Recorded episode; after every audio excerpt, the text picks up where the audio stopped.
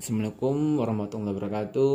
Ya kembali lagi bersama saya Bambang Abdullah Rahanyamtel Kali ini kita berbicara mengenai data. Yang pertama apa perbedaan data, informasi, dan pengetahuan? Nah data itu merupakan uh, potongan-potongan mentah sebuah fakta dan statistik tanpa konteks. Uh, At least uh, umur, exam value, warna mobil, ukuran sepatu, jenis rambut, dan lain-lain. Data dapat bersifat kuantitatif atau kualitatif.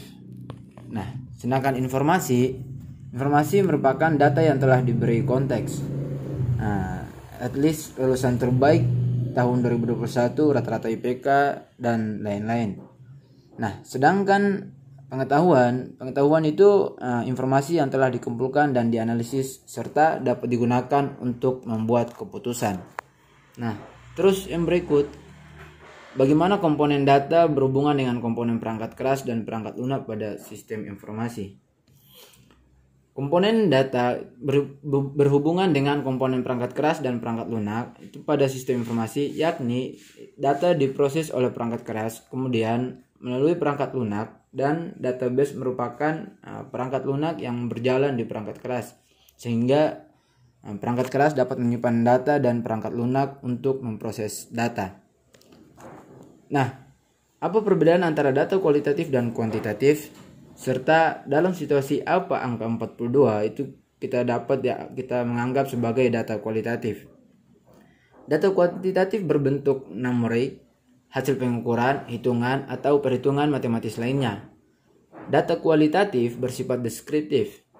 Nah, angka 42 bisa jadi kualitatif jika itu adalah sebutan, bukan pengukuran, bukan hitungan atau kalkulasi. Misalnya, jersey pemain basket Indonesia itu memiliki nomor 42 di atasnya. Yang berikut, apa karakteristik dari database relasional? Nah, database relasional itu database yang datanya diatur ke dalam satu atau lebih tabel. Setiap tabel memiliki sekumpulan bidang yang menentukan sifat data yang disimpan dalam tabel. Nah, rekaman rekaman itu merupakan salah satu contoh dari sekumpulan bidang dalam tabel. Nah, semua tabel terkait dengan satu atau beberapa bidang yang sama. Yang kelima, apa perbedaan antara spreadsheet dan database? Dan sebutkan tiga perbedaan. Nah, basis data pada umumnya lebih kuat dan kompleks daripada spreadsheet. Dengan kemampuan untuk menangani berbagai jenis data dan menautkannya bersama, beberapa perbedaan di antaranya yaitu basis data memiliki tipe bidang yang ditentukan, sedangkan spreadsheet tidak. Database menggunakan bahasa query standar seperti SQL, sedangkan spreadsheet tidak dan database dapat menampung data dalam jumlah yang lebih jauh besar daripada spreadsheet. Next, mengapa penting untuk menentukan tipe data uh, bidang saat mendesain database relasional? Tipe data memberitahu database fungsi apa yang dapat dilakukan dengan data. Nah, alasan penting uh, kedua untuk menentukan tipe data adalah agar jumlah ruang penyimpanan yang tepat dialokasikan untuk data.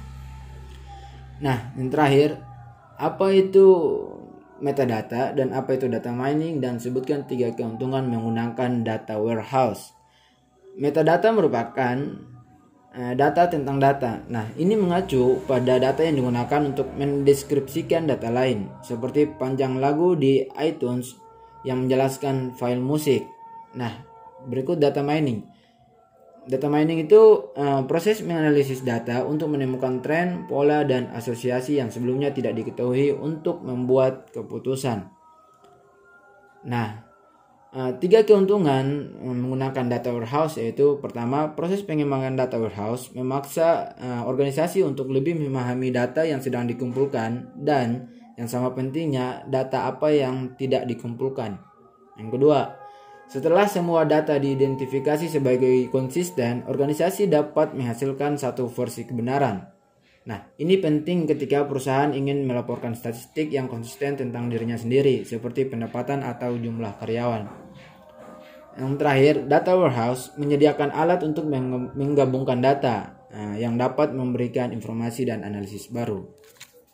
Cukup sekian, terima kasih. Wassalamualaikum warahmatullahi wabarakatuh.